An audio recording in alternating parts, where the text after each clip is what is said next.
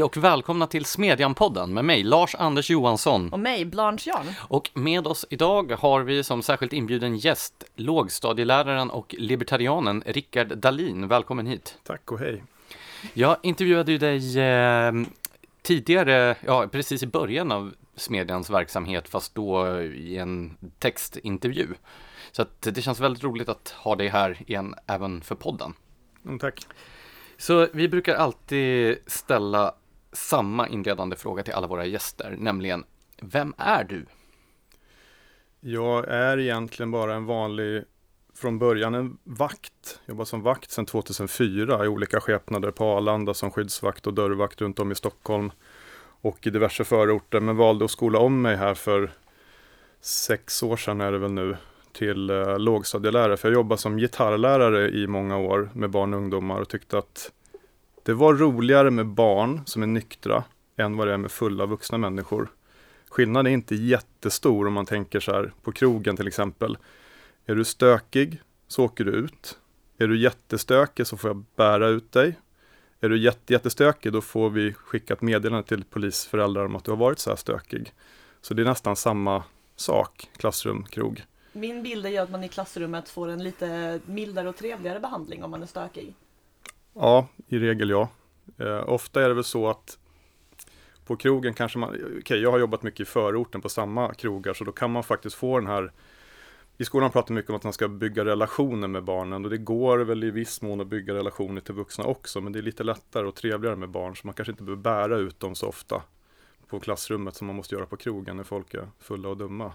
Men principen är nästan densamma. Å andra sidan om man blir utburen ur, ur krogen så brukar man inte få 25 000 kronor i skadestånd. Nej, det, Nej, det, det, det har säkert hänt. Det är säkert någon stackare som har blivit kränkt. Då hade jag varit miljonär vid det här laget. Och innan du börjar berätta mer om ditt privatliv, eh, varför blev du lärare? Ja, det var framförallt det här att eh, dels var jag klar med vaktbranschen och jag kände att jag måste göra någonting annat. Eh, att och, bära ut Lars Anders från krogen. Ja, precis. Och sen, jag gillar ju barn. Alltså jag tycker att det är rätt kul och mysigt med ungar. Och det har jag alltid gjort och det har alltid fallit sig ganska naturligt för mig att jobba med barn. Jag har ganska lätt att bygga de relationerna med, med både tjejer och killar. Då är ju krogen helt fel miljö. Ja, det kände jag också under de tio åren att det här var inte alls kul. Okej, okay. om med att jobba som lärare idag, vad är, liksom, vad är det bästa och det sämsta? Det sämsta är nog faktiskt föräldrarna. Um, nej men för det som man får med sig hemifrån återspeglar sig ganska ordentligt i klassrummet. Uh, vi kanske kommer in på den sen när vi pratar problem. Men så som många föräldrar gör idag, har jag gjort egentligen även i min och Lars-Anders generation, är att man inte fostrar alls. Utan det är frihet utan ansvar. Att man helt enkelt inte sätter ner foten. Så barn vet inte alla gånger vad som är rätt och fel. Och när man då ska in i en klassrumskontext med 24 andra ungar och man inte vet vad som är ett korrekt beteende, då får barnen rätt mycket problem faktiskt. Vilket gör att de känner sig att de misslyckas för att de får ganska mycket skäll och det blir ganska mycket problem. Det blir konflikter både i klassrummet och på rasterna som gör att det blir som en liten nedåtgående spiral. För de vet helt enkelt inte vad, vad som är ett korrekt beteende tillsammans med andra. De är inte uppfostrade helt enkelt. Och det är ett ganska stort problem för oss lärare, att det, att det ser ut så. Så jag då som har både gått i skolan och gått på krogen, jag tycker att du rent visuellt erinrar mer om en ordningsvakt än om en lågstadielärare. Och då tänker jag så här, finns det en fördel i rollen som lärare att ha ett skräckinjagande utseende? Han menar det som en komplimang. Ja, jag förstod det. Um, jag tror så här att barnen, jag har ju som sagt, nu har jag årskurs tre. De gör inte riktigt, jag tog över den här klassen när de gick i tvåan. Och jag fick ganska fort bra med ordning på den klassen. Jag använder en decibelmätare som jag sätter på. Jag har genomgång och säger nu ska ni göra det här, de här sidorna ska vi jobba på, det här, det här sättet ska vi arbeta på och det här är de strategier, om det är matte till exempel. Och sen så ligger deras böcker på bänkarna, de har pennor och sudd, så kollar jag av att alla, alla vet vad de ska göra, alla har penna och sudd och nu börjar vi. Och sen sätter jag på decibelmätaren och det får helst inte gå över 40, för då blir jag ganska sur. Och så får de inga popcorn på fredagar om de inte har skött sig. Får de popcorn på fredagar? Inte varje fredag. Sig? Om de sköter sig så kan de få det någon gång i månaden. Så att jag har det som en morot. Det sa de på universitetet att så ska man inte göra. Man ska inte jobba med yttre stimuli och sådana eh, belöningssystem. Men det, det tänkte jag, det har ju man gjort i mänsklighetens historia jättelänge och det funkar väldigt bra. Så att jag har gjort så konsekvent under de här tre terminerna jag haft den här klassen. Det funkar jättebra. Men 40 decibel i ett klassrum med jag har 20 elever, det, det är i princip helt tyst. Så jag har så i 30, 35, 40 minuter ibland. Eh, så jag tror inte att mitt utseende spelar så stor roll, för de kan inte koppla att jag ser ut som en tatuerad biker som ser ut som Kerry King i Slayer, utan de tänker nog bara han har skägg ner till naveln, han när jag började vägde 105 kilo och, och styrketränar. Sen, sen tror jag inte att de drog några fler paralleller. Föräldrarna däremot, de, de gjorde så. Det var en mamma som, jag sa till henne så här, eh, jag snarkade så in i bomben förut men har blivit bättre och hon såg helt knäckt ut. Jag sa, men det är inte så konstigt att man snarkar, man är lite överviktig och liksom, ja, så som jag var då. Och då sa hon så här, men det är bättre nu. Ja, det, det är inte helt bra, men det är bättre. Men du har slutat knarka nu. Nej, nej, nej. Jag, jag, jag, snar, jag snarkade, jag har inte knarkat. Jag är alltså inte en för detta pundare som har skolat om mig i vuxen ålder och blivit lågstadielärare. Även om jag är tatuerad och skäggig så är jag inte narkoman. Uh, och hon sa, oh, oh gud vilken tur. Um.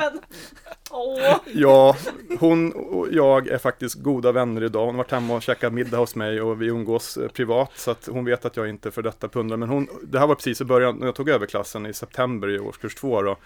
Så att hon tänkte säkert att oj oj oj, vad är det som katten har släpat in? Nu vet hon bättre. Men om föräldrarna nu var det största problemet med att undervisa som lärare idag och mm. det är dem du skrämmer så är väl allt som det ska vara? Ja, men jag har ju också god ordning och jag har väldigt bra relation med föräldrarna i min klass. Jag har umgås faktiskt med flera stycken privat och vi har eh, de är helt med på mig. Jag sa till, till föräldrarna redan när jag tog över att ungarna kommer förmodligen inte tycka jättebra om mig för jag kommer vara ganska sträng och hård för jag kommer kräva ganska mycket av dem. Och sen när jag tog över klassen då så upptäckte vi att eh, i den klass jag är nu då, att, hela årskurs 1 hade varit en smärre katastrof, man har inte lärt sig någonting. Vi skulle skriva en mening och vi har så här fyra ledord på vår skola. Mod och ärlighet och handlingskraft och ett till ord som jag borde kunna. Ehm, är det värdegrunden alltså? Ja, precis. Ja. Värde avgrunden.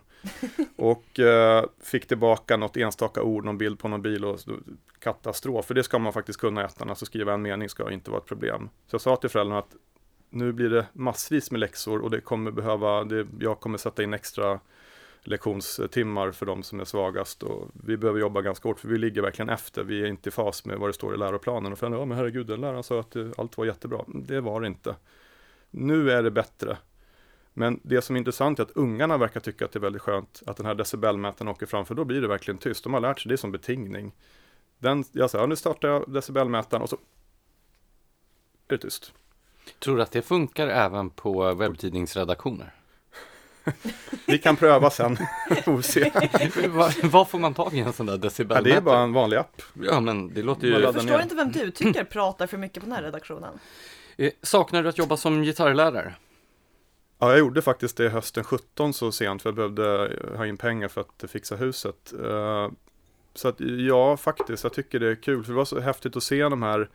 Jag hade, mm, yngsta gick i tvåan och de äldsta gick väl i sexan. Och på tio lektioner så fick jag faktiskt några att spela några vanliga ackord. Så att det går om man liksom sitter, hade två elever i varje grupp då. Och det är också väldigt skönt att undervisa i små grupper, att inte ha liksom en handfull ungar, utan det var bara två stycken och jag.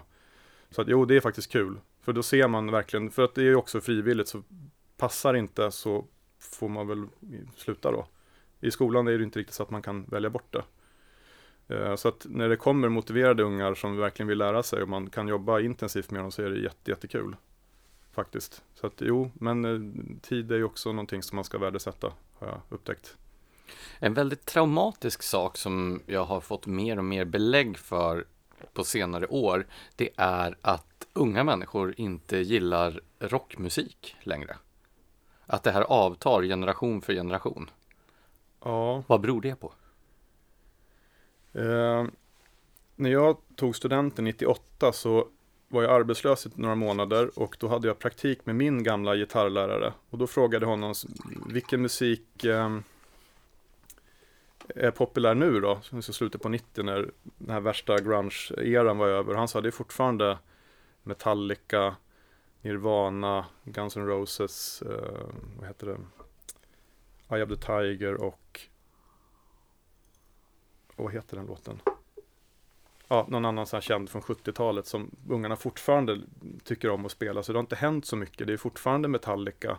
Alltså pratar du om nu gitarrelever? Alltså? Ja. ja. Nej, jag tänker mer i allmänhet. Ja, men det är nog för att det har inte kommit så mycket bra på 20-25 år. Men det har det väl Fast inte gjort det i några bero- andra genrer heller? Nej, det gör det ju typ aldrig i andra genrer. Och grejen är väl mer att om inte folk i yngre generationer tycker om hårdrock, då kommer det inte komma någon bra hårdrocksmusik ändå, eftersom Nej. alla som ägnar sig åt det kommer att dö ut. Skulle ni vilja att jag fortsatte jobba som gitarrlärare och lära dem att spela riktig musik alltså? Eller så kan du smyga in det i, eh, i din ordinarie undervisning? Har inte du sett det klippet när jag spelar nationalsången med min elgitarr? Jo, jag nämner det till och med Ja. i artikeln just det, i ja, det Smedjan. Ja. Jo, min, min elgitarr åker faktiskt fram ibland på lektionerna. Ehm, får väl ehm, lära dem lite Metallica då. Köra allsång med ungarna i årskurs 3. Det skulle vara ganska häftigt. Enter Sandman kanske kan vara något. Framtida generationer tackar dig för din insats. Ja. Du är ju inte bara ovanlig med din bakgrund som vakt och sådär, utan också din politiska positionering sticker väl ut. Hur kommer det sig att du blev libertarian? Ja, alltså jag har ju varit eh, gammelmoderat så sedan jag var 12. Jag är född och uppvuxen i Sigtuna. Eh, Så att valet 91 då så kommer jag ihåg, jag satt och kollade på debatterna då eh, och tyckte att det Ian Wachtmeister och Carl Bildt sa var väl det som var mest sunt. När du var 12? Ja. Du låter som en lite lillgammal person. Eller som att du var en lite lillgammal person där. Nej, jag, nej. Du hade inte attachéväska på högstadiet? Nej, nej, nej, nej, nej, det var hockey var och, det? och Metallica, så att nej. Jag tror Carl. Bildt hade det. Okej, jag hör vad du säger. Och mina föräldrar var ju inte så. Mamma är gammal folkpartist. Eh, jag brukar säga till henne att hon är lite halvkonservativ och det förnekar hon in i döden, fast det är hon ju. Hon är ju gammal borgarbracka fast hon inte inser det själv. Och farsan var väl egentligen så här gammal gråsosse tror jag. Fast rätt konservativ. Men jag har alltid upplevt som att det Jag tror att det bottnar i att jag kanske tycker att man ska ta lite ansvar själv. Att det har ändå hängt med mig sedan jag var ganska liten. Sen ska man komma ihåg att min farsa gick bort när jag var 14, så jag var tvungen att ta eget ansvar själv. Och folk brukar säga så här, hur kan du vara så högervriden när ni har varit så fattiga? Då brukar jag säga, det är ju därför jag är så högervriden, för att vi var så fattiga. Jag började ut reklam då jag gick i sjuan för att vi behövde pengar. Jag behövde pengar att köpa skivor. Ja, det är ju då man inte har råd att betala skatt. Nej, precis. Men då fick vi mamma ta den lönen, för jag fick inte jobba när jag var 14, jag var tvungen att fylla 15 och hon var ju tvungen att betala skatt. Så jag fick ju inte ut en spänn därifrån. Där någonstans kanske det ändå började. Att det är så här, hopp, varför får inte jag jobba? Jag vill ju, jag vill ju tjäna pengar, jag vill ju köpa nya Metallica-plattor. För jag förstod att mamma har ju inga pengar, vi har ju knappt råd med mat. Så att jag måste jobba om jag vill köpa skivor och det ville jag. Så då jobbade jag på söndagarna med det där. Och då sa mamma, nej men du får inte eh, jobba för att du är för ung. Jaha. Och sen så eh, blev det ju väldigt lite pengar, men jag gjorde det, eller jag jobbade hela högstadiet med det där eh, faktiskt. Och sen har jag ju haft tre och fyra jobb under alltså 10-15 års tid. Det är nu sista åren som jag har trappat ner och bara har ett jobb. Men då gör jag ju massa andra saker istället. Så att jag har nog alltid varit ganska flitig och strävsam i vuxen ålder och det har väl hängt med sedan jag var liten. Farsan var likadan. Och då har väl jag tänkt så här, om jag kan, som är bara en vanlig Svensson, nu är jag sig vit, jag är heterosexuell och eh, medelålders numera också, så att jag glider på en räkmacka enligt somliga, jag behöver inte anstränga mig tydligen. Känner inte riktigt igen med den beskrivningen, men jag, jag tänker så här, om jag fixar det, då kan nog de flesta göra det. Och då kan man nog faktiskt ta lite ansvar för sitt liv. Så att jag tror att det har hängt med mig sedan jag var liten, att man, man biter ihop, håller käften och gör sitt jobb och sköter sig bara. Stämmer fördomen som jag har att majoriteten av andra lärare annars är folkpartister? Ja, eller hippievänster. Men det är väl nästan samma sak i min bok.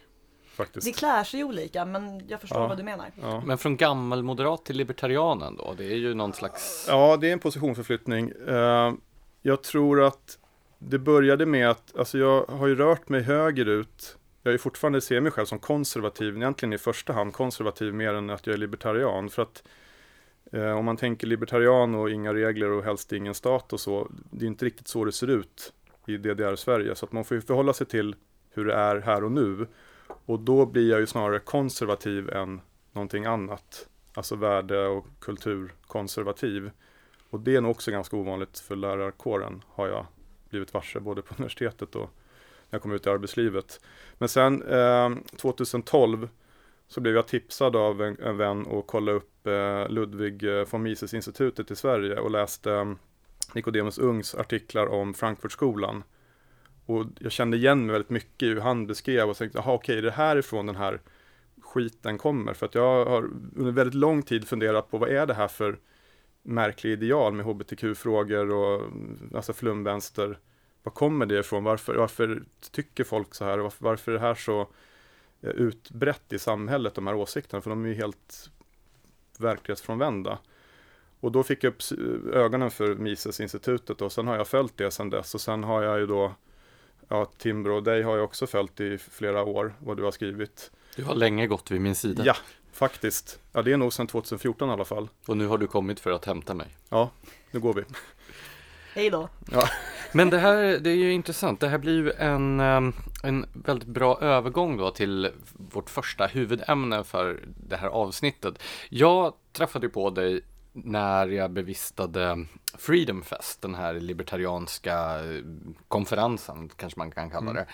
där du föreläste under rubriken Svensk skola, 175 år av ofrihet.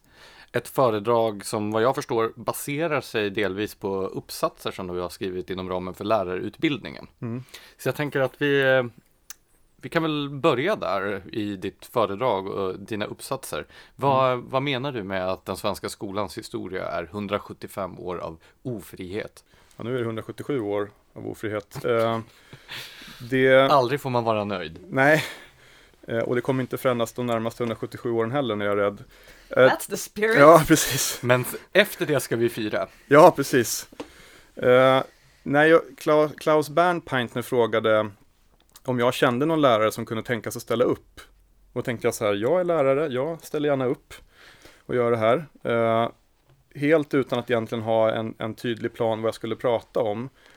Men då hade jag hållit något så här kort, eh, som liksom en liten föredrag på universitetet, bara fem minuter, så här lite övergripande om då handlar det om den här pendeln om decentralisering och centralisering som skolan har, liksom, det, det går fram och tillbaka, har gjort det ända sedan 1842.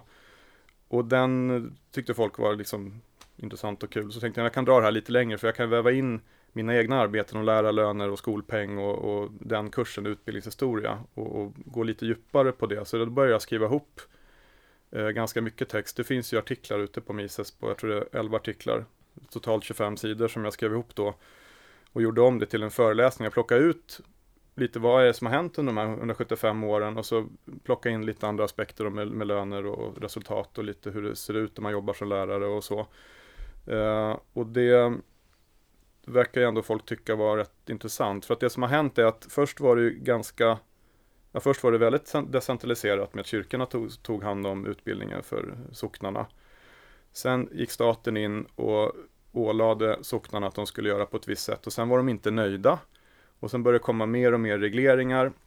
Och så redan då, jag tror det var 1862, då började man gå mot mer centralstyrning helt enkelt. Sen så bara gick den pendeln över till 1962 när man fick in den här första statliga läroplanen, Lgr 62 då. Och sen gick det inte så många år innan man upptäckte att det här funkar ju inte heller. För att det staten tyckte inte att socknarna gjorde ett bra jobb för att de gjorde inte som staten ville för att man gjorde olika så det blev lite sådär hade inte koll på vad som hände helt enkelt. Och sen så började man gå in och styra mer och mer och man ja, tog över allt eftersom. Och sen fick man liksom, det kulminerade 1962. Och sen redan på 70-talet, så det var inte många år man upptäckte att det här, det här blev inte heller bra. Och så började man gå tillbaka mot, mot mer kommunalisering då. Och sen 89 så beslöt man ju för att kommunalisera skolan 91. Eh, och då kunde det vara Göran Persson som eh, garanterade likvärdigheten och det gick ju inte heller. Så nu går vi tillbaka mot mer centralisering. För sen kom ju friskolereformen 92 också. Och så har det varit sådär fram och tillbaka och man har aldrig varit nöjd på de här 177 åren. Det har alltid varit någon som inte riktigt stämmer. Så att hur man än gjort så har det blivit fel. Men kan vi börja från början här? Om det nu har varit ofritt i 177 år, var det fritt innan dess då? Friare, för då var det ju alltså socknens kyrka som, som de här husförhören som man hade. Att prästen kollade att man kunde läsa och kunde lite utan till. Så att det var nog inte så styrt då. Utan det var ju väldigt begränsat. Och då var det nog med att man hade praktisk skola, lära sig så potatis och sådana saker. Så att det var, för många barn fick ju hjälpa till på gården för att få ihop det på den tiden. Så att eh, ja, fritt och fritt. Eh, det var friare än vad det är nu. När skulle du säga att den svenska skolan var som bäst? Ja, förmodligen så var det innan man införde statlig skola, man hade parallellskolasystemet. Eh, det fanns böcker ända tillbaka till 1940, det sa skolan i kris och det funkar inte, så man var ju missnöjd då också. Även det, förr var det bättre förr? Det, precis. Jag skulle tippa på att de som skrev de böckerna inte var 22-åringar eh, och inte heller arbetarkvinnor. Men eh, jag tror att eh, efter den här statliga skolan så har det blivit ganska, ja med skolplikt och nio år, det har ju faktiskt aldrig fungerat. Det var stök då också med skolk och eh, bråk och strul. Att man inte har kunnat sortera folk utifrån vilka förmågor de faktiskt besitter.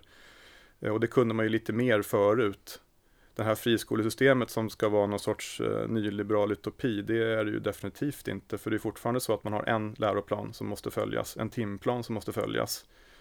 Eh, den här eh, eh kommunaliseringen, att man då eh, skickar ut att man kan bestämma på kommunal nivå, det är, inte, det är inte mycket man kan bestämma.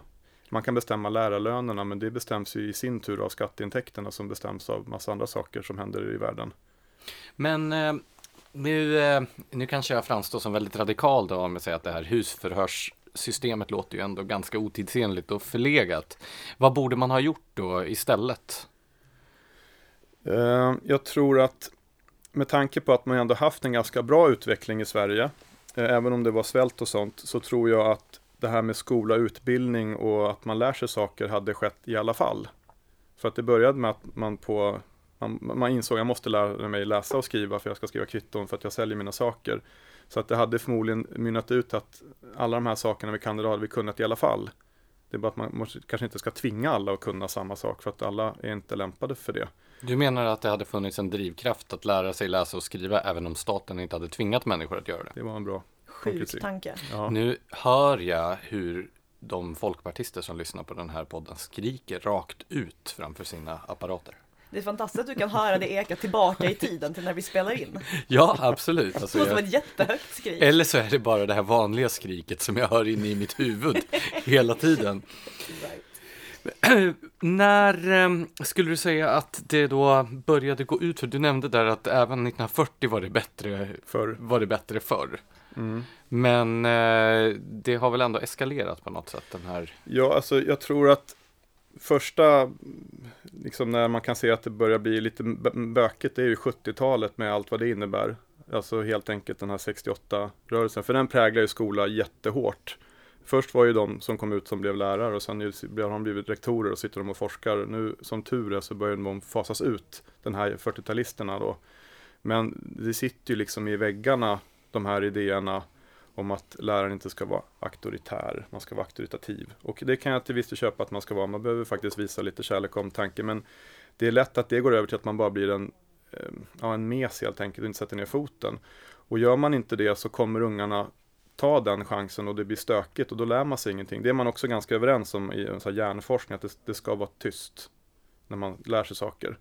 Är det inte tyst så lär man sig inte saker och då får man sämre resultat. Det är hyfsat lätt att förstå den korrelationen kan jag tycka. Men då har man då pratat om att läraren ska vara en mentor som driver fram så att barn hittar sin egen kunskap och sånt eh, väldigt eh, liksom flummigt helt enkelt. Och redan 1980 så skrev en eh, sociolog som heter Donna Brody om det här med progressiv undervisning kallas det för. Och han kom fram till att arbetarbarn, vilka det nu är, typ de flesta i Sverige med andra ord, inte gynnas av den pedagogiken. Det är bättre att den är styrd och lärarledd. Så 1980 visste man det. Ändå har man fortsatt på den linjen, även i, i det som heter LPO 94, alltså den läroplanen som kom, så fortsatte man med det här, äh, läraren ska inte lära ut, alltså jag ska inte förmedla kunskap, utan de ska hitta den själv. Fast man vet att det är fel. Så att man har ändå liksom haft viss forskning som visar på att det är bättre att man läraren, som jag gör, visar så här, ni ska tänka och göra så här så att ni förstår det. Och sen så får de jobba och träna själva. Men jag visar hur de ska göra, de ska tänka. Vi diskuterar texter till exempel och sådär. Och det har man vetat om jätte, jättelänge, men vi har inte gjort så. Och det är svårt att få ur det där, för skolan är ju en ganska stor organisation, så det, det tar ju ett tag innan dels den lärarkåren försvinner, går i pension, och att de idéerna försvinner, alltså inte sitter kvar i väggarna som de gör nu. Är det konkreta reformer som har legat bakom den här liksom värderingsförskjutningen i skolan eller har det helt enkelt varit det här att nya människor har kommit in med sin generations idéer och det har anpassats efterhand? Eh, lite både och. Först kommer in sådana idéer och sen är det så många som kommer in med de idéerna. Sen så blir det konkretiserat i form av en läroplan och mer styrning med värdegrund och man ska fokusera på massa andra saker än det här läsa, räkna, skriva. Det sa jag också till mina eh, vårdnadshavare i min klass att jag kommer inte lägga så mycket energi på hbtq-frågor och värdegrund utan det får ni ta vid middagsbordet. Jag kommer köra läsa, räkna, skriva och lite NOS och, och sen så får ni eh, fylla dem med värderingar. Det kommer jag inte göra. Det kan också bli så här, jag som är milt uttryckt kraftigt högervriden, att det blir så här, herregud, hur kommer dina elever bli när de blir stora? Ja, de kommer bli allt möjligt förmodligen, för att jag höll inte på att prata om sånt. Eh, om du skulle lyfta fram några av de skolpolitiska reformer som har varit eh, mest förödande historiskt, när, kan du peka ut några sådana här brytpunkter? Ja, eh, jag tror ju att 62 då man får en enhetlig läroplan inte var så himla klokt. Att man säger att alla ska gå i skolan nio år och ni ska kunna samma saker och det ska ske ungefär på samma sätt och ni ska sitta i samma klassrum oavsett vad ni kan och vad ni har för förutsättningar. Så ska det bara in och sen ska man då individanpassa undervisning och det är förstås helt omöjligt. Det, det går i marginalen att fixa lite för den här pojken som är duktig i matte, han får lite andra uppgifter. Men jag kan ju fortfarande inte ha fem, sju, åtta genomgångar på tavlan. Då får vi sitta hur länge som helst och vänta, det går ju liksom inte. Så det var väl det första felet, att man liksom så här, nu ska alla bli goda demokrater och helst socialdemokrater och så, så kör vi på det och sen får vi se hur det funkar. Sen är det ju, den här LPO 94 var inte heller så klok med de här väldigt flummiga idéerna. Nu har vi gått tillbaka lite grann till lite äldre metoder, att det är okej okay att läraren faktiskt lär barn saker och ting. Men det kommer nog dröja väldigt länge innan vi har en, dels en lärarkår som kan det. För att lärarkåren är ju så urholkad i och med att det inte ställs några krav att komma in eller komma ut. Så det kommer nog ta en generation. Och då är frågan, då kommer ju den generationen som går i skolan nu komma ut och ska vara lärare och de kommer inte kunna någonting. Så att det kommer ju ja, det blir lite problematiskt helt enkelt. Så jag tror att det är mer som kedjereaktioner. Man får, först får man in massa konstiga ideal från den här 68-rörelsen. Sen så börjar det omsättas i praktiken i form av läroplaner och värdegrund. Och sen så urholkar man lönen för att det ska inte vara så att lärare ska tro att de är någonting. Vi hade ju jättebra betalt om man tänker 60-talet. Vi motsvarar ju 65 000 i månaden. Det har vi ju inte nu. 35-40 kanske man har om man har tur. Eh, och det gör ju att folk som är drivna och duktiga kommer inte söka sig till det yrket. De flesta vill ändå ha betalt. Och då urholkar man ju lärarkåren, vilket gör att man urholkar i skolan också på sikt. Så att jag tror att det är många så små bitar som har gjort att det har blivit så här, plus det här föräldraansvaret som jag varit inne på, att det brister också, vilket påverkar undervisningen. Hur har synen på kunskap förändrats under de här decennierna? Ja, det har ju den här postmoderna, att det inte finns någonting som är rätt och fel och det är också eh, fascinerande att, att det inte gör det helt plötsligt. Eh, så det är en sån grej, det här lite att man har rätt till sin egen sanning och det ställer också till det lite grann. Eh, sen, sen har man ju att, att jag inte ska vara en kunskapsförmedlare utan jag ska ju liksom lotsa dem fram så att de ska hitta sin kunskap och det måste ju inte alltid stå i konflikt med varandra jag kan ändå visa dem hur man ska tänka. och Sen kanske de kan upptäcka lite egna saker på vägen. Men de behöver verkligen ha guidning och det har de inte riktigt fått de här senaste 20-25 åren då, tyvärr. Så att kunskap är ju lite mer så här, det går att hitta på Google. Men om man inte vet hur man söker på Google, då menar jag inte rent tekniskt, för det kan ju barn idag, men alltså om man inte vet vad man ska söka efter. För att man pratar ibland om att man behöver kunskap som man hänger upp annan kunskap på så att det blir som krokar. Så att ju mer du kan, desto lättare blir det att förstå annan kunskap. Om du då ska googla dig till kunskap så blir det ganska tunt. Du har ju inte baskunskaperna riktigt. Jag brukar tänka i matte att det är som man bygger lego, så här, man liksom bygger en Trump-mur då till exempel. Och så tar du bort några legobitar mitt i. Det kommer förmodligen, när den blir riktigt stor sen, kommer den inte hålla ihop för att det, det är massa glapp i. Du måste bygga från grunden och sen så blir den större och större. Och det har vi gått ifrån. En annan del av de här postmoderna idéerna som man talar om i skolsammanhang är ju också det här Eh, med liksom auktoritetskritiken. Alltså den som är en auktoritet nästan per definition är någonting problematiskt. Mm. Och det har ju, argumenterar många för, urholkat lärarens auktoritet i klassrummet. Är det Mm. också någonting du håller med om eller? Ja, ja, absolut. Sagt, man ska inte vara auktoritär, man ska vara auktoritativ. Problemet är också att, Hur skulle du definiera skillnaden? eh, auktoritär är att man är bara sträng och hård och auktoritativ är att man är både och. Man har det tydliga... Att man är både sträng och hård. Ja, precis. Sträng och hård. Eh, Samtidigt. Eh, Och inte en sak i taget. Nej, men det är att man är, vad kan man säga, lite mil- mildare då. Man är tydlig, man har ganska klara regler vad som gäller, men man är ganska omtänksam då. Och jag vill nog själv se mig som, som så. Alltså jag är ganska, de får sitta i mitt knä om de vill och är de ledsna för att de kommer upp till mitt klassrum så tar jag bort min rast och ja, vad det nu är som har hänt. Så att är inte så att jag bara står och gapar och skriker på dem och slår liksom linjalen i bordet. Även om det också har hänt så är det inte bara det som händer i klassrummet. Det känns väldigt skönt att höra Ja. ändå, känner jag. Om du em, skulle recensera alliansregeringens skolpolitik under de åtta åren då vi hade en så kallad borgerlig regering. Vi hade en timme sa du. Så kallat borgerlig. Ja, det blev ju ingen skillnad alls förutom att Björklund införde krav på lärarlegitimation. Alltså det är en gammal sosse-grej, att man går till staten och ber om eh, att få, att den här yrkeskåren måste vara legitimerad som läkare till exempel, och då poliser och så. Det har faktiskt gynnat löneutvecklingen de senaste åren, eh, för att utbud och efterfrågan spelar inte så stor roll som det gör på en fri marknad. Inom offentlig sektor eh, gör det ju inte det riktigt. Men det har dragit upp lönerna några procent mer än inflationen i alla fall. Men vi ligger fortfarande och släpar lönemässigt, trots de här åren med ganska kraftiga löneökningar. Och det är väl egentligen det enda som har hänt. Sen fick vi en ny läroplan 2011 som är lite, lite, den är mindre dålig än den LPO 94 för den var riktigt dålig. Men det, det är ju, det är ju alltså man, man byter några få ord i den här läroplanen och så tar man bort lite av de värsta konstiga idéerna och så kanske det blir lite konkretare. Det är väl det som har hänt. Och det, det är alltså den här skillnaden höger-vänster i svensk politik är ju minimal för att uttrycka det väldigt försiktigt. Vad är din uppfattning om friskolereformen? Ja, fri är väl inom citationstecken då. Eh, det, det som har hänt är egentligen bara att om, man, om vi tar det positiva, det kan komma in privata pengar som kan bygga upp, som min koncern Raoul Wallenberg, vi har ju byggt en helt ny skola för väldigt många miljoner. De pengarna hade ju inte funnits i kommunal sektor, för nu är det ju alltså aktieägares pengar som går in. Vi bygger upp den här skolan, eh, en helt ny, jättefin med senaste tekniken och så stora, bra ljudisolerade klassrum. Sen hyr vi ut dem Eh, Gympasalen är liksom igång varje kväll och varje helg och det är matlagningskurser på kvällarna så att vi gör massa saker med byggnaden som gör att vi får in pengar den vägen, inte bara alltså skolpengen.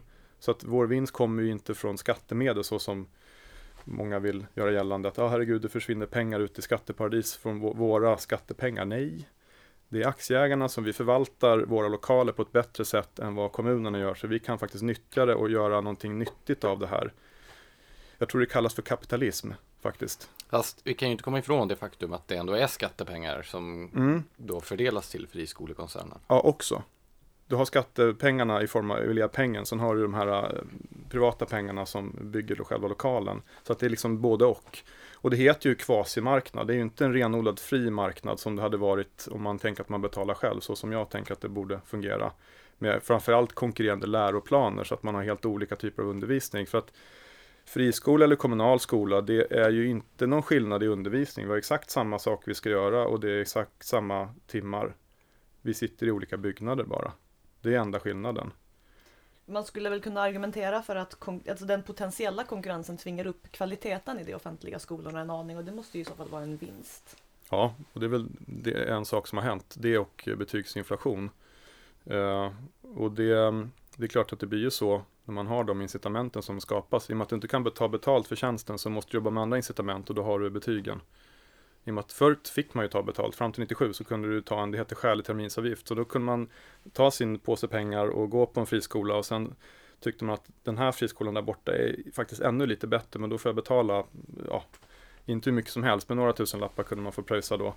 Och då kunde man byta till den skolan. Då fick man ju också in privata pengar. Då kommer det ju faktiskt in mer pengar i systemet som helhet. Och det tog man ju bort för att det var orättvist. För då gick ju vissa på vissa skolor. Det är alltid ett problem i sosse-Sverige att det är så.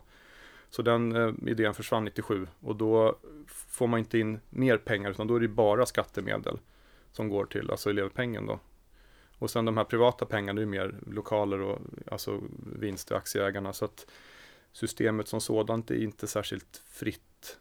Skulle du säga att friskolereformen har haft en positiv eller negativ effekt avseende detta med kunskapssynen och pedagogiska teorier och deras tillämpning i skolan? Alltså på marginalen positivt i och med att man har fått en, en liten konkurrens om saker och ting. Eh, både om lärare och om elever för att du måste ju bedriva någon form av vettig undervisning annars har du inga elever, du har alltså inga kunder om man säger så. Då. Eh, så att du måste ju ha en bra kvalitet. Annars så ja, har du ingen, ingen verksamhet efter ett tag. Det känns som att vi redan är på väg in på poddens andra ämne för det här avsnittet, nämligen vilka problem skolan har idag. Eh, och de här problemen brukar man ju ofta, känns det som, mäta i termer av PISA-resultat. Jag tänkte börja med att fråga, är PISA-resultaten ett relevant mått för skolans prestation? Ja, det, det är ju ganska enhetligt. Eh, en lärare på universitetet som jag hade, hon sa vi, eh, vi är bra på kreativa saker i Sverige, så det där gör inte så mycket. Men då gjorde, gick man ut och testade där hur kreativa vi var och det var vi ju inte heller, tyvärr. Hon sa det där 2015 kanske, eller om det var Ja, när det kom någon, ja, ett par år sedan i alla fall. Och då var hon snabbt ute och dementerat, men det är inte så farligt som det ser ut, utan vi, vi är bra på andra saker. Eh, vi har ju vår musikexport till exempel. Vem behöver kunna räkna så länge man är kreativ? Precis, exakt så. Och, och sen var det någon, eh, för det man ska titta på är egentligen nationalekonomisk forskning, den är bättre på skolans område än pedagogisk, alltså ideologisk forskning. För pedagogerna som forskar eh, har ofta bestämt sig innan vad utfallet ska bli. Nationalekonomerna, de tittar lite annorlunda. Där kan man få fram intressantare fakta om skolan faktiskt. Och då var det nog en nationalekonom som kollade på det här med hur kreativa vi var och det ja, det såg inte så bra ut det heller. Så att vi har egentligen bara sjunkit kunskapsmässigt. Och vi Allt vet varför. har blivit sämre. Ja, ja i, stort sett ja. Någonting man ibland lyfter som en tänkbar lösning eller en bidragande lösning till det är ju eh, att göra om betygssystemet eller att införa betyg tidigare eller så. Mm. När är den perfekta åldern att börja få betyg? ja. um, för vem? det, det, Nej, det, här, ja, det, det är rent genomsnittligt. Alla är ju olika och det finns ju inget system som passar alla perfekt. Men så här, skulle du som lågstadielärare till exempel säga att det vore bra för dina elever att få betyg i den åldern de är i nu?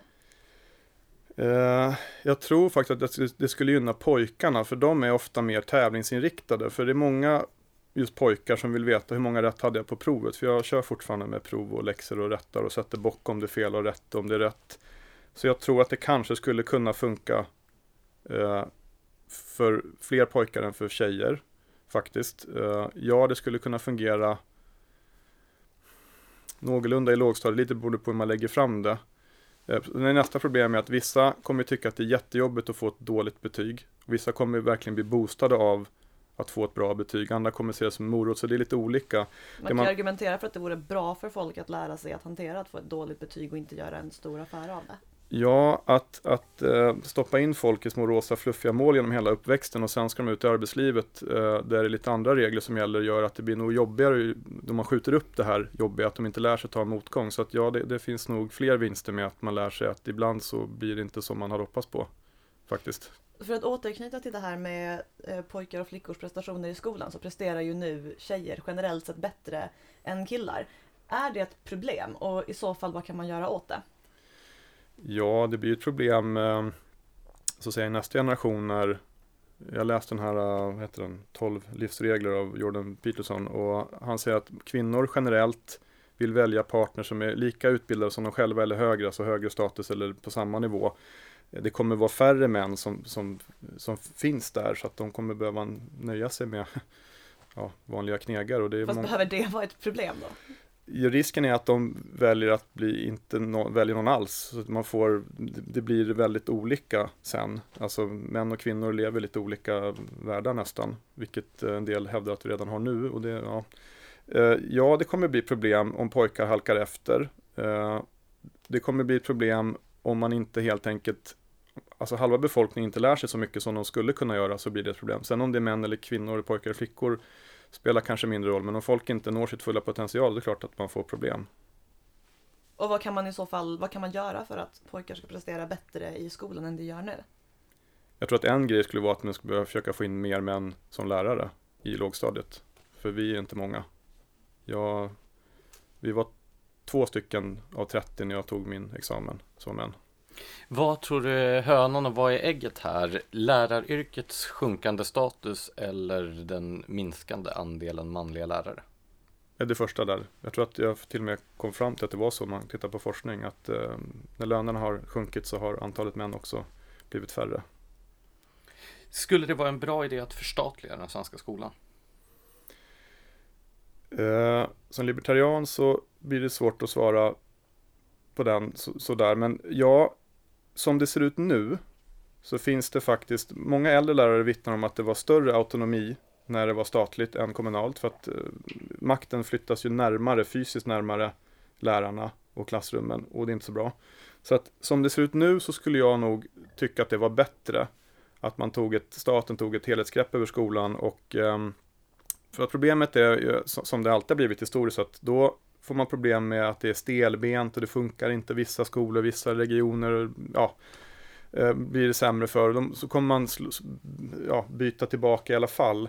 Så att hur man än gör så har man arslet bak som man brukar säga och det är likadant där. Men jag tror att Smedjans redaktion tar avstånd från det här grova språkbruket. Jag ska bättra mig. Eh, jag tror att som det Var ser du ut... nu auktoritär eller auktoritativ? jag, jag var... Hård och sträng Hård och sträng. Eller båda? samtidigt. Förlåt. Eh, Jag, jag tror att det skulle, i nuläget skulle det vara positivt. För kommunerna sitter inte på vare sig kunskap eller resurser att bedriva skola på ett bra sätt. Du vet att nu kommer dina libertarianska kompisar att tycka att du låter som en folkpartist. Ja, då får det väl vara. Vi har pratat om det, jag och Klaus Bernpeiter, och han, ehm, han menar på att också det finns skäl till att göra det statligt för att man ska öka, på marginalen vill jag påpeka, friheten för lärarna. Eh, men det är också på hur det utformas. Risken är att det blir ännu längre styrdokument och mer som ska, som man gjorde på, på 60-talet, att man gick in och sa, det stod till och med att när skolan startar så ska du säga så här. Då kommer ju inte autonomin öka direkt. Utan det är ju snarare att man då tänker, eller jag tänker mer nattväktarstatsaktigt. Att man går in och, och ser till att man fördelar resurser från statens sida istället för kommunerna, för kommunerna har liksom inga pengar. Staten eh, sitter ju på samma problem, men det blir, eh, det blir nog eh, lättare med den här så kallade likvärdigheten då i så fall. Att det är så här, men här är era pengar, nu, nu, nu får skolorna utforma sig lite mer själva. En fråga i skolsammanhang som åtminstone utanför Folkpartiet brukar vara större än det här med eh, om kommunen eller staten borde bestämma över skolan. Det är ju frågan om disciplin i skolan, ordning och Mm. reda. Behövs det mer disciplin i skolan idag? Det låter som att det funkar rätt bra för dig med din klass inom systemet vi har. Ja, och vi- vissa, vissa klasser och vissa skolor eh, gör ju, fungerar bättre än andra. Men det är klart att på det stora hela så är det ett problem. Eh, och det kommer tillbaka till, det är ju frågan om ett föräldraansvar som inte riktigt tas på samma sätt idag av olika skäl. Ja, det där är en intressant fråga. Var ska man dra gränsen mellan skolans och föräldrarnas ansvar för hur elever beter sig? Ja, eh, därom tvistade lärda som man brukar säga. Vissa tycker ju att skol, alltså staten, samhället eller vad man nu vill kalla det, alltså skolan då, ska in och rädda och korrigera icke önskvärt beteende. Och det, det händer att lärare lyckas med någon enstaka. Det finns sådana så här solskenshistorier om, om lärare som har hittat till någon så här strulputta med ADHD. Men det är ju snarare ett undantag än en regel att det fungerar så. Ofta så går det bara åt pipsvängen. Nu tänkte jag på mitt språkbruk där. Samtidigt Föredömligt. Verkligen. Men så här, samtidigt kanske inte skolan har något annat alternativ än att försöka om den, det kommer en klass med dåligt uppfostrade aggressiva barn. Mm. Vad, vad, ska man liksom, vad ska man göra annars? Och framförallt hur kan man tvinga föräldrarna att ta sitt ansvar utan att det blir ett ofrihetligt system igen? Nej, det, det som händer är ju att man som lärare så att säga vänder ut och in på sig själv. Eh, har man tur så går det bra, har man otur så, så vänder man ut och in på sig själv år ut och in så, så funkar det ändå inte. Vissa, och det är det jag menar med, här med en läroplan, en klass. Förut hade man ju obsklasser och ehm, man delade upp barn på ett annat sätt. Men det var ju problematiskt för, för likvärdigheten och sådär och då tog man bort det. Men bra för elevanpassningen kanske? Absolut. Den som har följt samhällsdebatten i Sverige under senare år har ju noterat att precis varenda samhällsfunktion nu syftar till att integrera invandrare i det svenska samhället, så mm. även skolan. Mm. Nästan hela den skolpolitiska debatten kretsar ju kring detta, hur man ska kunna använda skolan som ett integrationsverktyg. Är det rätt att ha det fokuset och i så fall hur ska man på bästa sätt kunna använda skolan som ett instrument för detta? Och, återigen, där kommer de här um, eh, lite mer flummiga idéerna in i bilden. Att uh, det ska vara hemspråksundervisning, man har rätt till sin kultur, det finns ingenting svenskt och ja, allt det här tramset. Och det gör nog att rätt många invandrare, dels att de håller kvar vid sina gamla, inte alltid så funktionella kulturer. Och sen att de helt enkelt inte får en korrekt bild av vad som krävs i Sverige för att man ska bli framgångsrik. Man har till exempel eh, lärare som inte pratar bra svenska. Eh, de har klasskamrater som inte heller pratar svenska. De pratar inte svenska på rasterna, på lunchen och innan och efter skolan och inte hemma. Och läraren pratar bristfällig svenska eller så är det bara den enda svenska de hör eh, under lektionstid. En ganska liten del av den vakna tiden för en uppväxt om man tänker många timmar är jag vaken, hur mycket, många timmar pratar jag, hur mycket hör jag svenska. Så att jag, jag tror att eh, man kommer behöva ställa mycket högre krav på, på dels språkkunskaperna och att de lärarna som jobbar där ute också har väldigt bra koll. I Stockholm gör man ju lite så att man betalar, de har ett bidrag nu på, jag tror det är 6 000 i månaden för kompetenta lärare som är kvar i utanförskapsområden så att man får behålla den personalen. Men jag tror inte att det kommer bli någon så här jättestor skillnad. Det har vi ändå hållit på med det här i 25-30 år, det har inte blivit bättre direkt. Så vad bör göras för att parafrasera Lenin? Ja, eh, jag, jag tror inte att vi kan bara göra saker och ting. Det finns en jättefantastisk idé från någon på Aftonbladet tror jag, som ville att man skulle tvinga ut vit medelklass i, i förorterna, att de skulle tvingas bo där. För att det, det var skulle... Lina Thomsgård. Ja, tack. Grundare av Rättviseförmedlingen. Ja, eh, jag tänkte så här, då kan hon börja med sig själv, det har hon nog inte gjort, tror jag. Jag tror hon bor i Hornstull. Ja, okej, okay, föga förvånande. Eh, det finns inga sådana åtgärder med tanke på hur det ser ut. Så jag tror inte att eh, det finns någonting vi kan göra så att det bara löser sig. Men det, det här är väl ett förslag, alltså att man ska hålla på och bussa mm. elever för att då så att ja. säga blanda upp segregerade. Jag läser ju Thomas Sobel en hel del och har precis läst hans eh, senaste om diskriminering och uh, uh, ja, den boken tar ju upp det där, att man har gjort så i USA, bussar folk Eh, och försöka integrera med att man har byggt slum i fina områden och så. Det har aldrig riktigt fungerat. Ehm, det har inte gett några resultat i skolan, att de har varit bättre. Att man har liksom, ja men nu sätter vi ut gettoungarna i innerstadsskolorna eh, eller ute i förorterna som det är i USA då. Det har inte alls fungerat. Varför inte? Eh, för att, ehm, och det ser man i Sverige också, resultaten i skolan beror inte så mycket på kvalitetsskillnader i skolan eller i systemet, utan det har att göra med elevsortering, alltså vilka elever har du i klassrummet, det påverkar resultaten. Och tänker jag så här, var man tvungen att forska för att komma fram till det? Att de som sitter på, i, i klassrummet påverkar resultaten, men det var man tvungen att göra, men nu vet vi det i alla fall, att det är det det handlar om. Och det går ju inte att bara bussa runt folk, för folk kommer liksom, då, då, det får kedjeeffekter, då kommer folk börja flytta och, och, och, byta, så att man får i alla fall en, en sortering utifrån vad man själv vill ha någorlunda. Eh, och det har visat sig historiskt att det fungerar ofta bättre. För att har du en klass på 25 elever och av tre stycken lever rövare, då kommer det drabba de andra 22 ungarna.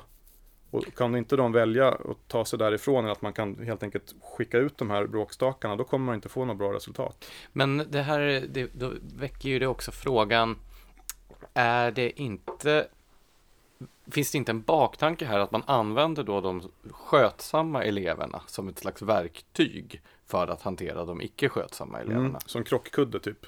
Ja, det, det, finns ju till och med ett begrepp där, kuddflickor, där mm. man placerar eh, stökiga pojkar med mm. skötsamma flickor, vilket ju naturligtvis går ut över de här flickorna. Mm.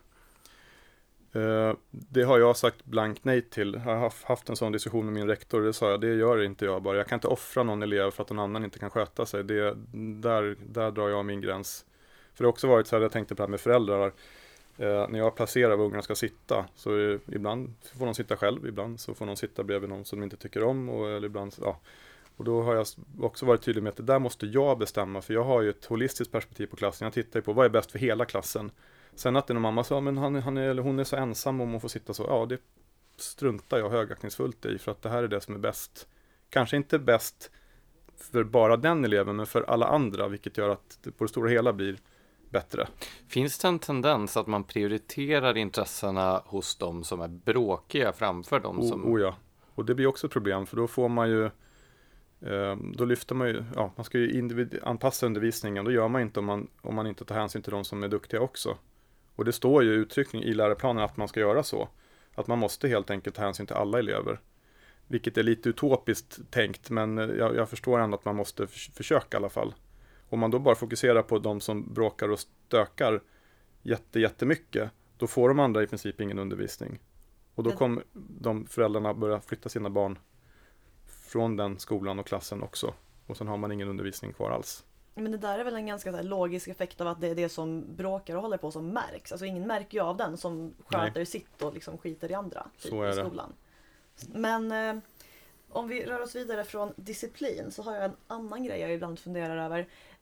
Om man kollar på vilka ämnen som undervisas i skolan idag. Finns det några som är överflödiga som vi skulle kunna ta bort utan att det vore någonting dåligt? Och finns det andra ämnen som borde läggas till i, i utbildningen? Ja, vi har ju bild i lågstadiet. Och sen många av uppgifterna i framförallt i svenska och kanske lite SO kan ju vara att rita en bild till. Så jag förstår inte riktigt varför man ska ha bild som för bild. För att kunna kompensera för dåliga mattekunskaper med kreativitet. Precis. Om du skulle peka på internationella exempel, då, finns det några länder som är föredömen vad gäller skolpolitik? Vart borde Sverige vända sig för att lära? Ja, vi tittar mycket på Finland och Finland har tittat på oss och sen har de sett vår, våra resultat och så har de slutat titta på oss vi tittar fortfarande på Finland. Men jag tror att det är ju lite kulturell fråga varför vi har de ordningsproblem vi har och finnarna inte har det. Eh, man pratar ibland om, om lärarens status och det är kopplat till lön men de tjänar inte jättemycket mer pengar i Finland än i Sverige men en helt annan status där. Och jag tror att det är mer kulturellt betingat. Jag tror de är att... både hårda och stränga. Ja, faktiskt. Samtidigt. Samtidigt, ja. Och någon gång emellanåt kanske de är lite snälla. Jag vet inte, jag har inte varit i finsk skola och tittat. Men jag har studerat med två eh, med rötter i Finland som har bekräftat den bilden. Eh, jag tror inte att det är någonting man kan på skolnivå fixa till. För det är också så här, det är mycket så att skolan ska och samhället ska, men du som förälder eller du som individ ska inte behöva. Och då kommer vi nog inte komma så mycket framåt så länge man har det tänket att det är alltid någon annan som ska fixa till allt som är problem. Men jag tror USAs system bygger ju egentligen, de har ju också så här school voucher och, och charter schools som, som vi har. Och deras skolsystem är ju inte heller jättefantastiskt. De har ju också stora problem med ordning och de har problem med eh, att vissa skolor inte presterar alls i, i deras getton. Och då är det mycket så här att ja, men om man gör så här då blir det bra. Men det här har vi hållit på med så många år. Det har ju inte fungerat. Så att det känns som att vi går i samma fotspår och liksom tänker att ja, men snart kommer det nog bli bättre. Bara vi gör så här. Fast det har vi gjort. Vad är det man kallar en person som upprepar samma sak och förväntar sig ett annat resultat? En lärare. Åh. um, ska man få ha keps på sig i klassrummet? Nej. Ska man få ha mobiltelefon med sig i klassrummet? Nej. Borde det här lagstiftas om? Nej. Bra svar. Eh, Både okay. hård och sträng. och snäll. Men okej, okay, på temat Finland. Mm. En av de stora skillnaderna mellan deras system och vårt är ju att det tillåter hemskolning eftersom det inte har skolplikt. Ska skolplikten bort? Ja, det tycker jag ju. Uh, ja. Är det en populär åsikt i lärarrummet? Är jag populär i lärarrummet? det frågar inte oss. Du är populär på Smedjans ja, redaktion. Han kallade ju sina kollegor hippies eller folkpartister, så jag kan tänka mig att det finns. Ja, jag gillar Spänning. faktiskt mina kollegor. Just där jag är nu så har vi en, en bättre ideologisk bas att stå på om vi säger så. Men eh, ja, det är klart att det skulle vara bättre. Jag, jag tror ju fortfarande att vi skulle behöva ha fler läroplaner som skiljer sig radikalt åt. Att de här, framförallt pojkarna som inte funkar i en klassrumskontext, måste göra någonting annat. De kanske senare i livet mognar och kan lära sig algoritmer eller vad det är, men de kanske inte fixar det när de är 7 till 12. De kanske måste börja med det när de är 15. Och vi har inte det systemet. Så länge vi inte har det så kommer vi inte få ordning på det här. Så är du optimistisk eller pessimistisk om framtiden? Eh, jag är pessimistisk eh, av naturen tror jag, så att jag, ja, Tyvärr. 177 år till av ofrihet. Precis, sen ska vi fira. sen ska vi fira. Eh, det börjar bli dags att runda av det här poddavsnittet, men eftersom du är en metalskalle så känner vi att vi måste ändå återuppliva vår gamla frågeställning som vi har utsatt en lång rad av våra gäster för. Det rör nämligen två stycken svenska metalband som man måste ta ställning till. Blanche? Det är ju ett bra och ett dåligt band. Ett av dessa band är Dismember och det andra är Amon Amart. Vilket är bäst? Ja, jag är verkligen metal in i själ och hjärta. Jag lyssnar inte på något av de banden. Eh, men jag får väl säga Dismember då. Men det var med rätt svar. Dismember, men med förnuft. Ja, precis. Tack så hemskt mycket för att du kom hit, Rickard Dahlin. Tack.